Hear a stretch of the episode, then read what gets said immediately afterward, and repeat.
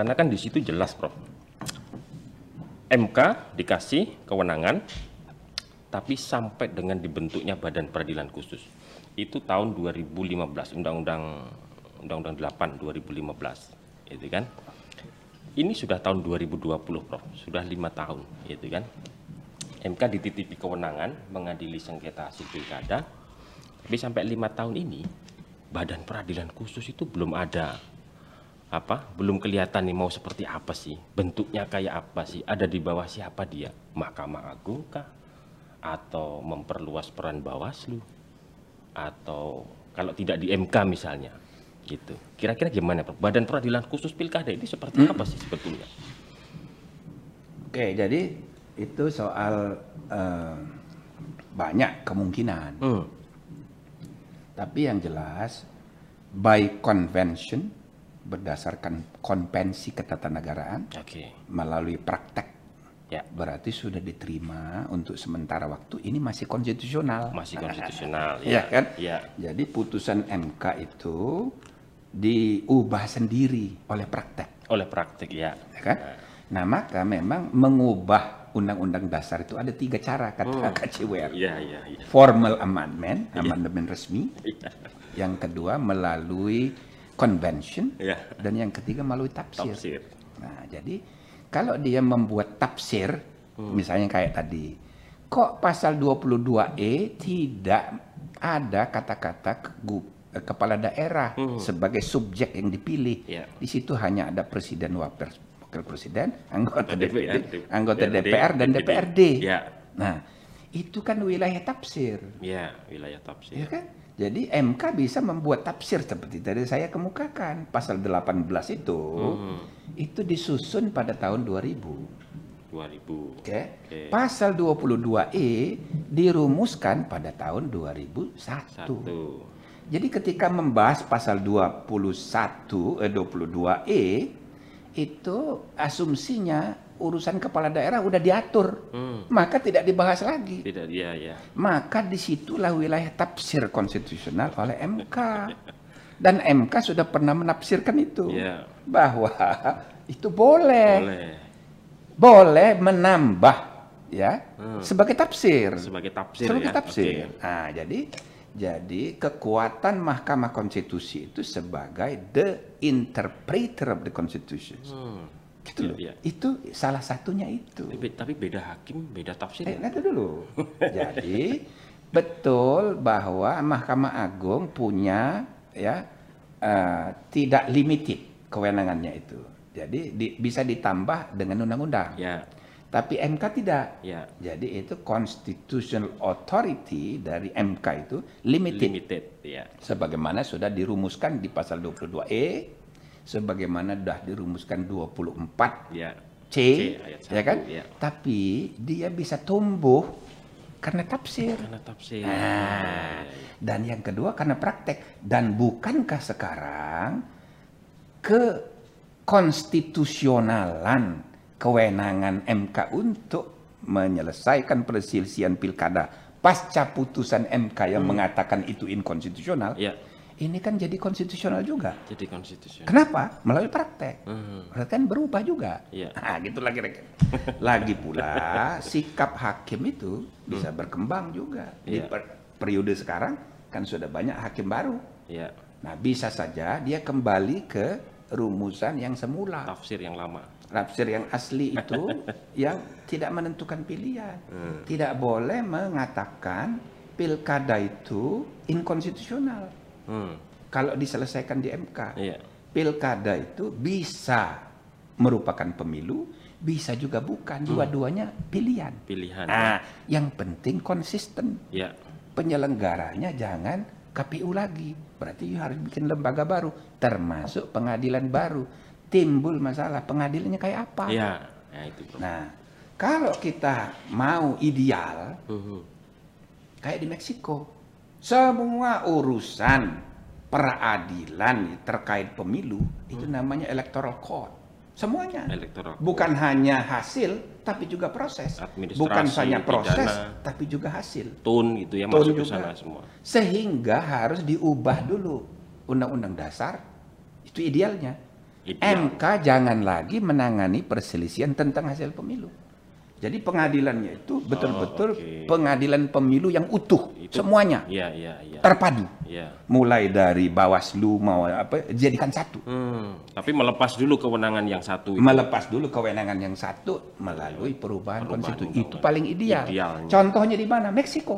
Hmm. Apa Nah. Meksiko itu ideal Meksi- prakteknya? Bukan soal idealnya, tapi Hmm. contohnya di mana integrated system Oke. dari uh, peradilan mengenai pemilu, ah itu contohnya itu di Meksiko, Meksiko. semuanya dijadikan satu. Iya, iya. Nah, kita bisa, tapi harus mengubah konstitusi dulu. Nah, Nah, yang kedua mungkin tidak usah terlalu berat. ya. Kita tetap bagi perselisihan tentang hasil tetap di NK, tapi per, tapi perkara-perkara yang non hasil Mhm. itu di di pengadilan khusus ini. Pengadilan khusus. Maka di situ ada Bawaslu, di situ ada pengadilan negeri dijadikan satu, Hmm. ya kan? Dijadikan satu sepanjang menyangkut proses. Iya, iya. Tapi timbul masalah khusus untuk pilkada bagaimana? Ya. Bukan hanya proses tapi juga hasil. Hasil. Nah, kan Iya. gitu. Iya. Jadi ada pengadilan khusus, tapi kalau dia jadi pengadilan, Bawaslu tidak boleh jadi pengawas yang aktif. Dia harus pasif. Kalau jadi pengadilan. kalau jadi pengadilan, Iya. dia tidak boleh. Dia dia cukup menjadi jaksa. Bukan jadi penyeleng bagian penyelenggara lagi. gitu Dia ya. bukan lagi bagian dari penyelenggara. Iya. Jadi ide untuk membentuk pengadilan ini harus komprehensif, Komprehensif. integral. Iya. Bahkan termasuk ide untuk eh, pilkada tentang hasil pilkada bagaimana? Kalau dicampurkan antara proses dan hasil, Hasil. tapi khusus untuk hasil itu pilkada saja Hmm. di pengadilan yang baru ini. Ya. Sedangkan ke MK itu hanya hasil saja, tidak proses. Hmm. Kan gitu kan? Iya, iya, iya. Nah, ini ini kan jadi terlalu banyak urusannya ini. jadi tidak mudah Iya. untuk menentukan pilihan. Maka sekali lagi harus negarawan, lihat dari atas. Iya. Naik ke langit hijrah, lihat bagaimana menata sistem bernegara yang lebih baik. Hmm.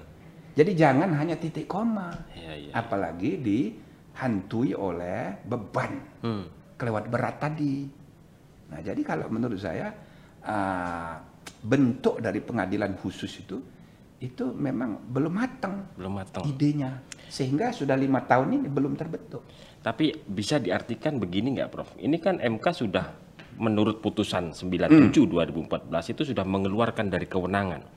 Artinya di masa mendatang dan ini juga praktiknya, ini kan secara apa ya, Prof? Eh, transisional ya, tidak permanen gitu kan. Tidak bermana. Nah, di masa mendatang itu berarti Badan Peradilan Khusus itu apakah boleh diartikan boleh dibentuk tapi di luar Mahkamah Konstitusi. Sementara pelaku kekuasaan kehakiman itu ada Mahkamah Agung, ada Mahkamah Agung dan Mahkamah Konstitusi. Mahkamah Konstitusi itu sudah tidak berwenang. Apakah boleh diartikan Badan Peradilan Khusus itu memang harusnya berada di bawah eh, Mahkamah Agung atau misalnya tadi ini yang yang katakanlah yang operasional Prof yang tidak tidak eh, ideal seperti Prof bilang tadi harus pakai amandemen konstitusi ini kan jalan yang Cukup panjang dengan gitu. undang-undang, ya. Nah, cukup dengan undang-undang. Kira-kira bisa nggak dimaknai Badan Peradilan Khusus kalau nggak di MK ya mestinya di MA. Karena hanya itu bad, apa eh, pelaku kekuasaan kehakiman. Bisa begitu, Prof? Ya bisa juga sih, tapi pilihannya ya tetap harus dua induk. Hmm. Kalau tidak di MK ya di MA. Iya. Nah, kan gitu. Jadi kalau misal misal ada yang mau berinovasi, Mhm. Ya deh biar aja lah disatukan aja. Tapi tetap di bawah MK. Tetap di bawah. Misalkan gitu kan, iya. misalnya.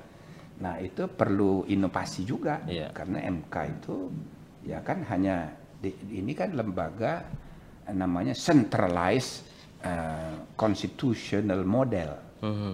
Jadi beda dengan decentralized model kayak di Amerika. Iya. Kalau di Amerika itu mulai dari tingkat pertama kedua boleh mengadakan judicial review. Iya. Tapi kalau di MK Republik Indonesia des eh, centralized, jadi Centralized. satu sentral. Iya. Nah, timbul masalah Mhm. kalau nanti mengenai pilkada ini kok jadi seperti seperti decentralized. Iya. Jadi pilihannya itu ada plus minus semua. Plus minus betul. Ya kan? Nah, jadi Jadi kalau kalau uh, mungkin bias karena saya ketua MK yang memutus pertama itu. Mhm. Nah, kalau mau menurut saya yang lebih tepat itu kembali ke yang semula. Serahkan kepada pembentuk undang-undang menentukan pilihan Mhm. mau dianggap rejim pilkad pemilu atau bukan. Mhm. Kalau dia dianggap pemilu, ya sudah benar Setelah putusan MK kemarin masih boleh terbuka tuh Prof ya. Bisa. Jadi- Buktinya sekarang dalam praktek sudah berubah. Sudah berubah ya. Jadi kalau kita mau me- mema- memahami konstitusi Mhm. sepanjang menyangkut aturan konstitusional mengenai ini, ini kan sudah berubah, Iya. sudah jalan Sudah sebagaimana jalan. sekarang ini. Betul, iya. Artinya konstitusional. Mhm. Putusan perkara untuk diselesaikan di MKU meskipun sementara, tapi kan sudah lima tahun. Sudah lima tahun betul. Berarti ini praktek yang sudah dianggap konstitusional dan baik. Diterima. Diterima. gitu ya. Itu loh. Jadi, udahlah kita teruskan aja Hmm. sehingga untuk pilkada yang tahun 2020 ini tidak perlu ragu-ragu siapa saja yang mau berperkara Hmm. mempersoalkan perselisihan hasil pemilihan kepala daerah daerah. ini, ya kan? Ah, sepanjang eh, sesuai dengan prosedur yang sudah diatur Mhm. dalam undang-undang dan dalam PMK, bawalah ke Mahkamah Konstitusi. Mhm. Jangan selesaikan di jalanan. Di jalanan betul. Tidak ada tempat untuk menyelesaikannya Mhm. di luar mekanisme resmi. Ya. Kita punya tanggung jawab untuk melembagakan ya Mhm. proses bernegara. Ya. Bernegara itu keputusan-keputusan resmi yang mengikat kita sebagai warga negara Mhm. itu ialah kalau diputuskan oleh lembaga resmi. Nah, lembaga resminya itu di MK sini. Betul. Nah, Iya, iya. ya demo boleh, tapi batasi nggak usah banyak-banyak. itu sekedar mengekspresikan kami ada, Ah, Iya, iya. tapi nggak usah terus-menerus. Itu alihkan, Hmm. lanjutkan perjuangannya di forum resmi. Forum nah, itu resmi, MK. MK.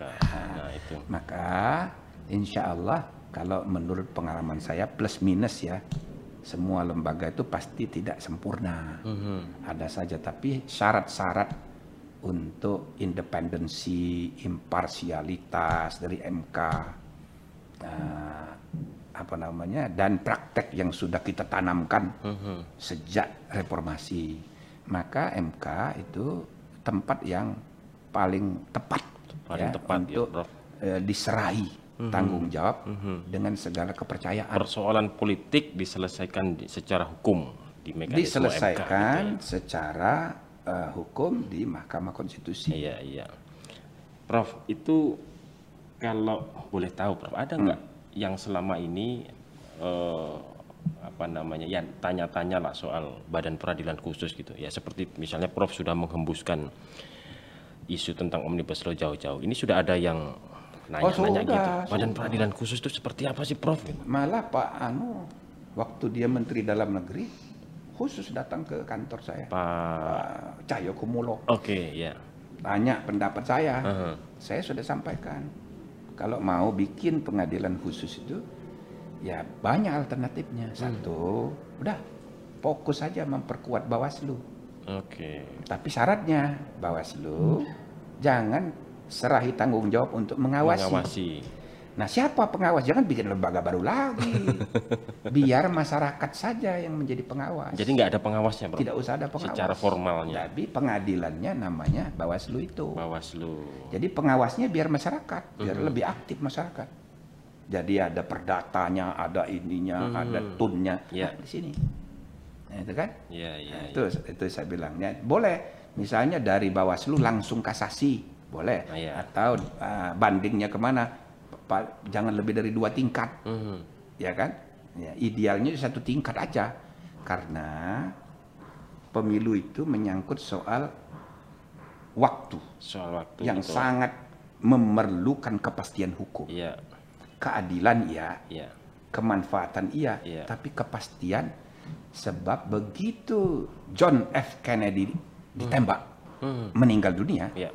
maka Johnson, Lyndon Johnson itu diambil sumpah di pesawat. Hmm. Kenapa begitu? Iya. Karena begitu dia mendarat di airport, dia sudah jadi presiden Jadi of the presiden. uh, uh, uh, uh, United States of America. Itu artinya soal timing itu tidak boleh ada kekosongan dalam kepemimpinan. Ya. Apalagi kepala negara. Sama juga di daerah juga tidak boleh ada kekosongan hukum. ya. Maka timing itu penting. Penting. Nah kalau terlalu bertele-tele Berlarut-larut gitu atas ya. nama keadilan harus tiga tingkat, lah kapan selesainya? Kacau agenda Nah, maka saya bilang ini Bawaslu diperkuat, Mhm. tapi pengawas tidak usah. Pilihan pertama, Oke. pilihan kedua, ya sudah. Bawaslu tetap pengawas, Ya. tapi dia tidak boleh jadi pengadilan. Nah. Jadi dia menjadi penggugat, dia menjadi penuntut. mhm. Nah, yang mana dibuat jadi pengadilan? Pengadilan. Saya bilang ah, pilihan sekarang Hmm. di KPP aja. Oke. Di KPP itu jadi pengadilan etika dan pengadilan pemilu, Pemilu. semuanya digabung. Dia satu lembaga, dia bikin dua majelis. Hmm. Tapi Bawaslu tempat orang mengadu itu ke Bawaslu Ke semua. Bawaslu. Bawaslu semua. Nanti Bawaslu yang memilih-milih, mem- me- menyeleksi Mhm. itu yang diajukan. Iya. Baik menyangkut etika Iya. penyelenggara maupun menyangkut eh, hasil dan proses pemilihan. Hmm. Nah, di KPP silakan pilih Iya. daripada buat lembaga baru lagi. Terlalu banyak nanti. Betul. Di seluruh dunia, ya oke, Hmm. negara-negara demokratis itu banyak yang tidak punya KPU independen, Hmm. tapi banyak yang punya penyelenggara pemilu yang. Independen. Tapi rata-rata cuma satu lembaga. Kita ini tiga lembaga. Tiga lembaga. Ada KPU, ada Bawaslu, ada DKPP KPP. pula. Satu-satunya di seluruh dunia. Tapi tidak apa-apa. Kita kan tidak perlu meniru negara lain. Negara lain boleh meniru kita. Iya. Nah, karena kita negara demokrasi eh, apa namanya terbesar ketiga Hmm. dan boleh dong kita punya istihad sendiri. Ah gitu. Itu dua opsi tadi, Prof. Ya. Ada opsi yang ketiga tadi mengembalikan lagi ke MK gitu, Oh itu opsi yang yang disampaikan ke yang, Pak yang Mendagri saya tadi. sampaikan ke Mendagri waktu itu. Dua opsi. Tapi kalau mau lebih lebih sederhana, Hmm. iya sudah diserahkan kepada MK. MK saja. Iya, Melalui undang-undang ya, Prof. Sem- sepanjang menyangkut hasil, Ya, hasil. ya kan? Tapi proses tetap di Bawaslu. Bawaslu. Nah, gitu. Iya, iya, iya. Nah, jadi dia kuasi peradilan. Hmm. Dan itu eh, apa namanya? Bisa dengan undang-undang, Mhm. ya kan? Ya. bisa dengan putusan MK lagi Hmm. atau bisa dengan praktek seperti sekarang ini udah jalan Transisi yang panjang kalau gitu. Transisi yang panjang berarti ya orang makin disadarkan Ah, ya. bahwa konstitusi dan hukum undang-undang bisa berubah dengan tiga cara Ah, formal formal, amendment Ya. practice convention Ya. ya kan dan Absen. yang ketiga interpretation Ya. sekarang sudah berubah Hmm. melalui interpretasi dan melalui praktek, Praktek. Iya. maka kita tidak perlu lagi terlalu ya kan sering-sering membuat undang-undang baru Ya. sering-sering membuat konstitusi baru Iya. Nggak perlu dari praktek itu sudah sudah dengan sendirinya itulah gunanya para sarjana hukum membimbing praktek Betul, betul. Nah. Setuju, Prof. Tapi berarti, Prof, eh, apa namanya? Apakah ini juga boleh dikatakan ini karena berkembang di praktik?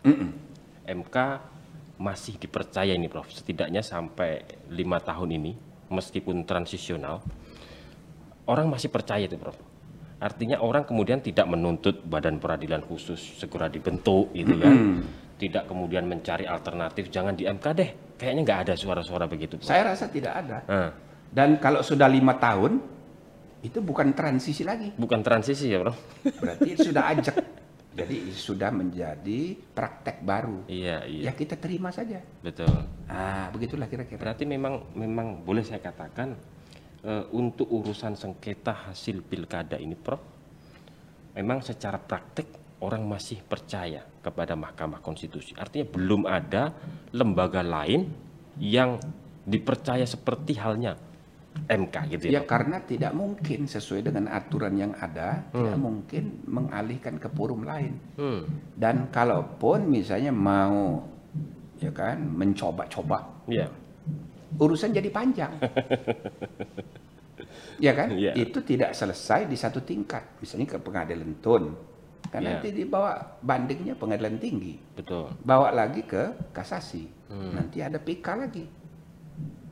Jadi itu prosedur normal. Iya. Maka akan panjang masalahnya. Panjang. Tidak selesai-selesai. Iya. Selama belum selesai, itu bunuh-bunuhan terjadi di lapangan. Hmm. Itu loh. Iya. Itu bisa bunuh-bunuhan. Nah, apa mau kita biarkan? Betul. Sedangkan urusan begini ini bukan soal benar salah kadang-kadang, Hmm. soal sudut pandang. Sudut pandang. iya. Sudut pandang masing-masing golongan pihak Hmm.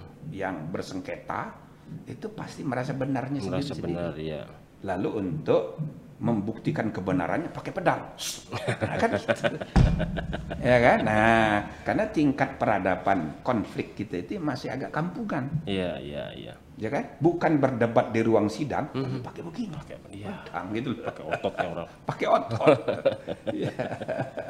Jadi oke, sekarang kalau boleh saya simpulkan itu MK masih dipercaya nih, Prof. ya, insya Allah saya rasa MK masih dipercaya. ya, tem- tempat mengadu satu-satunya yang yang lebih praktis, yang lebih praktis. cepat, Oke. dan ada saja yang isu-isu tidak percaya Hmm. bahwa hakim MK baru dikasih bintang, Iya. bahwa ini harus sudah diperpanjang masa pensiunnya, ya kan? Ya. Ya, tapi kan itu kan post factum Iya. sesudah penghargaan itu diberikan sekarang kan independen dia, Betul. ya kan? Nah, buat usianya kan lebih panjang dari usia kepresidenan Kepresiden, sekarang, iya. tiga setengah tahun lagi berhenti. betul. Jadi kalau hakim sekarang ini nggak nurut sama Presiden Jokowi, nggak ada konsekuensi. maka, maka saya rasa independensi kelembagaan akan mempengaruhi independensi, independensi personal Personal. masing-masing hakim. Iya, iya. Percaya aja, Iya. mereka independen kok, insya Allah. Jadi kadang ini em, calon-calon kepala daerah ini Prof gitu Hmm. kan. Itu kan kalau ya katakanlah perjuangannya itu sampai titik darah penghabisan ya, titik akhir lah kira-kira. Hmm. Nah, titik akhirnya ini kan ada di MK Prof. Nah kadang-kadang orang ke MK itu kemudian terutama di pilkada itu ya itu mencari menang Prof.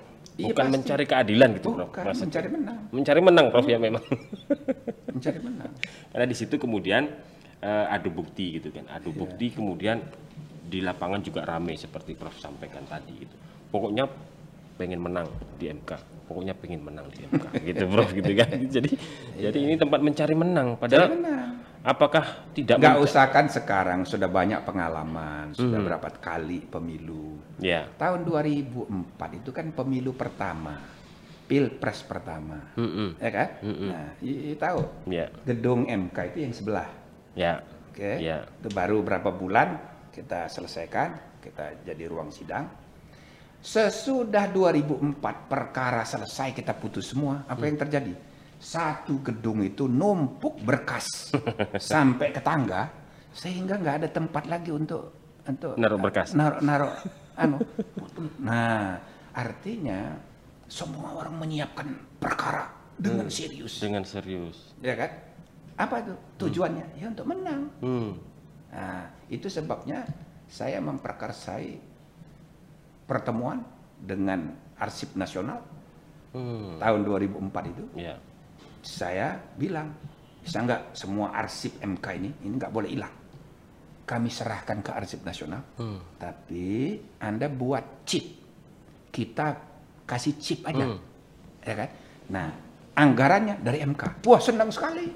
Dari Arsip. Nah, sejak itu saya usulkan jadi BNPB.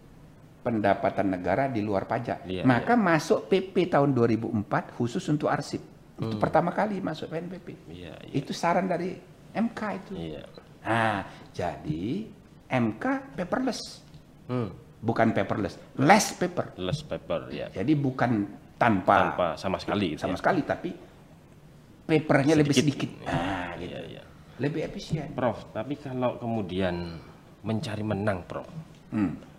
kan bisa semua cara dilakukan, Prof. Semua cara. Semua cara Rasa untuk menang di. MK ini. Iya, Ini kan bahaya kalau gitu, Prof. iya. Jadi gimana ya? Itulah tadi saya bilang iblisnya gede-gede.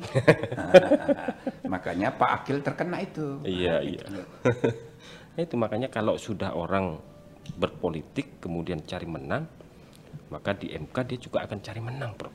Segala cara dilakukan, segala makanya rekayasa macam-macam, kusuk rasa kusuk. maka para panitera tenaga ahli apalagi hakimnya harus dijaga betul jangan sampai dia melanggar kode etik kan sudah diatur di kode etik. Betul. tidak boleh ketemu orang Hakim maupun pegawai ada, Prof, kode tidak- etiknya, iya. Prof. nah Dan itu kita mesti sangat berhati-hati dampaknya panjang dampaknya panjang betul. ya kan saya sendiri ada konferensi di Melbourne Hmm. beberapa minggu sesudah kasus Akil Hmm. Muhtar 2013 itu, Prof. misalnya Mark Tusnet dari Amerika Ya. kemudian beberapa guru besar dari ada dari Inggris dari apa Dis- debat sama saya saya menyampaikan bahwa ini kasus Akil ini insya Allah nggak lama dampaknya saya tahu satu tahun selesai Iya. Tidak ada yang percaya termasuk Mark Tusnet oh tidak bisa ini sangat serius jadi dampaknya bagi demoralisasi kepercayaan publik kepada MK. Mahkamah Konstitusi bukan lama saya tercenung Wah, ini orang luar negeri ini eh, melihat perkara ini serius banget. Serius banget. Ya saya juga serius, cuman saya bilang kan tidak terlalu bu- bukan membesar-besarkan. Jadi saya bilang hmm, saya berusaha untuk menenangkan. Saya bilang kalau pimpinan yang baru itu nanti bisa menangkap pesan moral dari Pulbrim lalu melakukan langkah-langkah anu eh, perbaikan. Iya. Saya rasa dua tahun bisa. Tapi yang lain bantah semua. Tapi memang nyatanya kan langsung 2014 kan langsung menangani Lah, pilpres ya, Prof. Iya lah, so. Langsung pilpres. dengan segala ketidakpercayaan. Iya. Tapi kan tidak ada tempat lain. Tidak ada tempat Nah, lain. gitu. Tapi nyatanya juga juga eh, dengan cepat lah kira-kira Prof. Dengan cepat selesai. selesai, Iya, pulih walau- kira-kira. Walaupun sampai sekarang masih ada yang belum terima. Masih ada, Tapi betul. biasa itu. Biarin aja. Nah, ini MK hakim itu tidak bisa memuaskan semua orang. betul. Nah, Kadang-kadang putusan keadilan itu hanya memuaskan sekelompok orang sekelompok orang. minoritas. Betul. Tapi keadilan ya harus ditegakkan. Iya, iya, iya. Karena keadilan itu kan memang apa? Apa istilahnya, Prof? Nisbi gitu ya. Bagi Ya saya itu adil, itu, keadilan itu tidak mayoritas, tidak mayoritas. dia bisa minoritas. Hmm. Karena MK berfungsi juga sebagai the protector of human right, Ya. the protector of citizens Citizen. constitutional Ya. rights, the protector of minority rights. Hmm. Ya. Nah, demokrasi itu the protector of majority rules. Hmm. Tapi MK minority, Minority, rights. ya. Jadi perimbangan antara parlemen yang demokratis berdasarkan majority rules Mhm. dan MK mengawal minority rights itulah demokrasi substansial. Iya, iya. Gitu anunya. Itu Kan demokrasi hanya peduli tentang jumlah, jumlah ya. tapi tidak peduli tentang kualitas. Kualitas. Kualitas suara. Ya. Nah, keadilan itulah kualitas suara. Nah, Hmm. itu ada di MK. Betul, betul, betul. Nah, itu kan ya itu makanya tadi kalau kemudian orang cari menang, sementara kira-kira begini, Prof. Di dalam permohonan itu kan selalu ada declare di dalam permohonan itu ex, ex aequo et bono. kan. Kalau majelis hakim berpendapat lain, mohon putusan seadil-adilnya kan kira-kira begitu. Itu kemudian dimaknai bahwa ya kalau sudah diserahkan kepada MK, mestinya apa pun yang diputuskan nanti ya harus diterima, Harus diterima. harus diterima, harus Itu dilaksanakan. jadi kira-kira begitu. tradisi bernegara Ya. konstitusional. Tapi kadang-kadang setelah sehat. diputus itu ngamuk juga gitu. Ngamuk juga ya. Tapi tidak apa-apa juga gitu ya, Bro. Tidak apa-apa.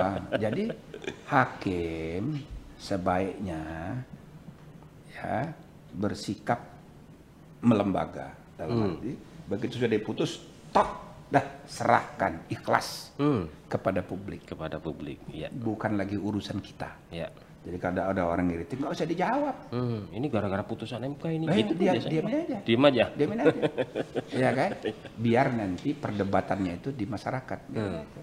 sebab eh, produk hukum Hmm. milik publik makanya diatur dalam undang-undang kebebasan informasi publik segala informasi itu milik publik Milik kecuali yang dikecualikan Ya. nah maknanya apa itu maknanya keputusan bernegara itu milik orang banyak Hmm, ya. bukan milik orang yang memutuskan Betul. Nah, jadi begitu diputuskan, sembilan orang teken, tek, dah selesai pekerjaannya. Iya. Kita urus urusan yang lain. Ah. Banyak banyak perkara lain.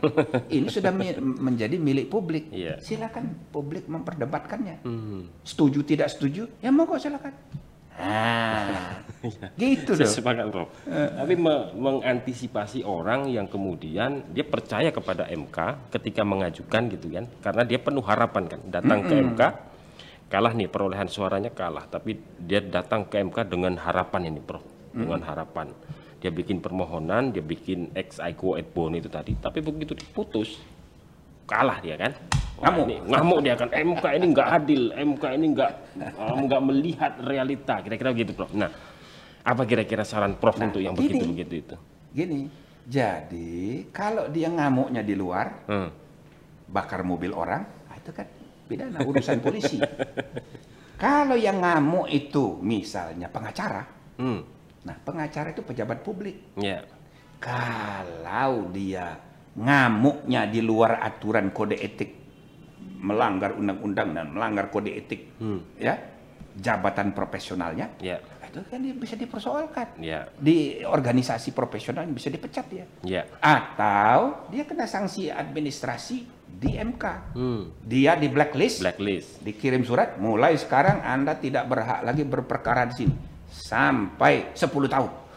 Misalnya begitu. Iya, iya, Ya kan? Nah, ini penting. Ya. Jadi kewibawaan pengadilan itu Hmm. ya sepanjang menyangkut kewenangan MK dalam ruang sidang MK Ya. ber- berkewenangan. Iya, Tapi untuk di sidang di, pengadilan lain, ah, itu Silakan, wilayah etik. iya. Kalau etiknya mengatakan dia diberi sanksi etika, Mhm. dia dikasih sanksi setahun, tidak boleh ber, ber- litigasi Iya. di pengadilan seluruh Indonesia. Itu kan sanksi etik. Sanksi etik. Atau dia dipecat sama sekali. Mhm. Jadi kalau menyangkut orang yang terikat dengan undang-undang Hmm. dan kode etik, itu bisa dia dianu. Iya, iya. Tapi kalau warga negara biasa, misalnya dia mau demo, ah, itu wilayah polisi. Biarin aja bagi tugas. tugas Gampang polisi. sebetulnya Prof ya, Ah, menyikapi ya. ah, Jadi MK nggak usah pusing-pusing. Iya, Udah diputus, alhamdulillah selesai. Tek. Iya, iya. Itu namanya bekerja ikhlas. Ikhlas Iya, iya. serahkan kepada Iya.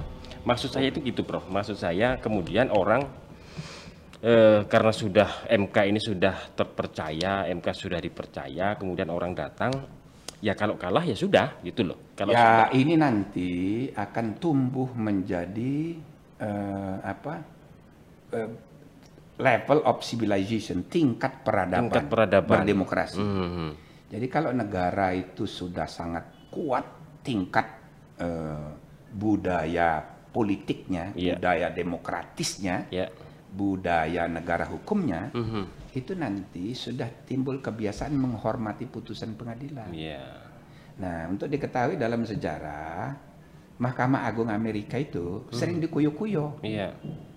sampai awal abad 19. Iya. Perkara terakhir ya 1803 Mhm. ketika John Marshall menjadi ketua Mahkamah Agung memutus sesuatu yang sangat tidak lazim Mhm. selama empat tahun dikuyok-kuyok.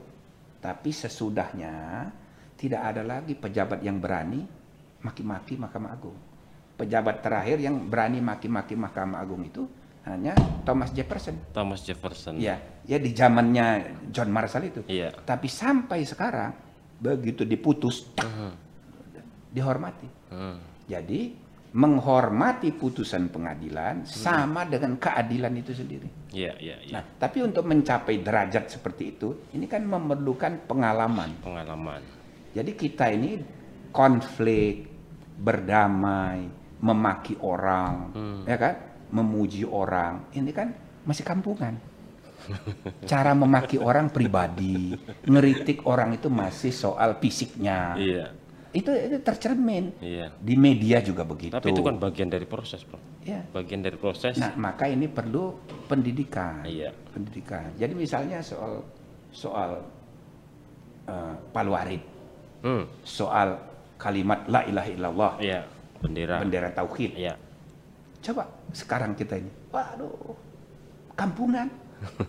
Orang pakai bendera tauhid tanpa terasa itu kan menyinggung seluruh orang Islam. Mhm. Begitu juga bendera apa tuh Palu Arit. Iya. Coba di Rusia. Itu di Universitas Moskow. Hmm. Di atasnya itu masih ada Palu Arit. Palu Arit. Padahal komunis sudah nggak laku. Iya. di Rusia itu. Sehingga saya, saya tahun 2005 pernah kasih kuliah umum di sana. Hmm.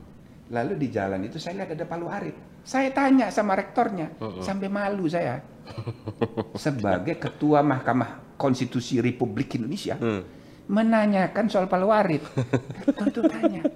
Dia jelaskan, lah kenapa kan ini kan produk sejarah. Hmm, hmm. Nggak perlu kan walaupun komunis sudah nggak laku di sini. Iya, iya. Jadi saya nyesel nanya.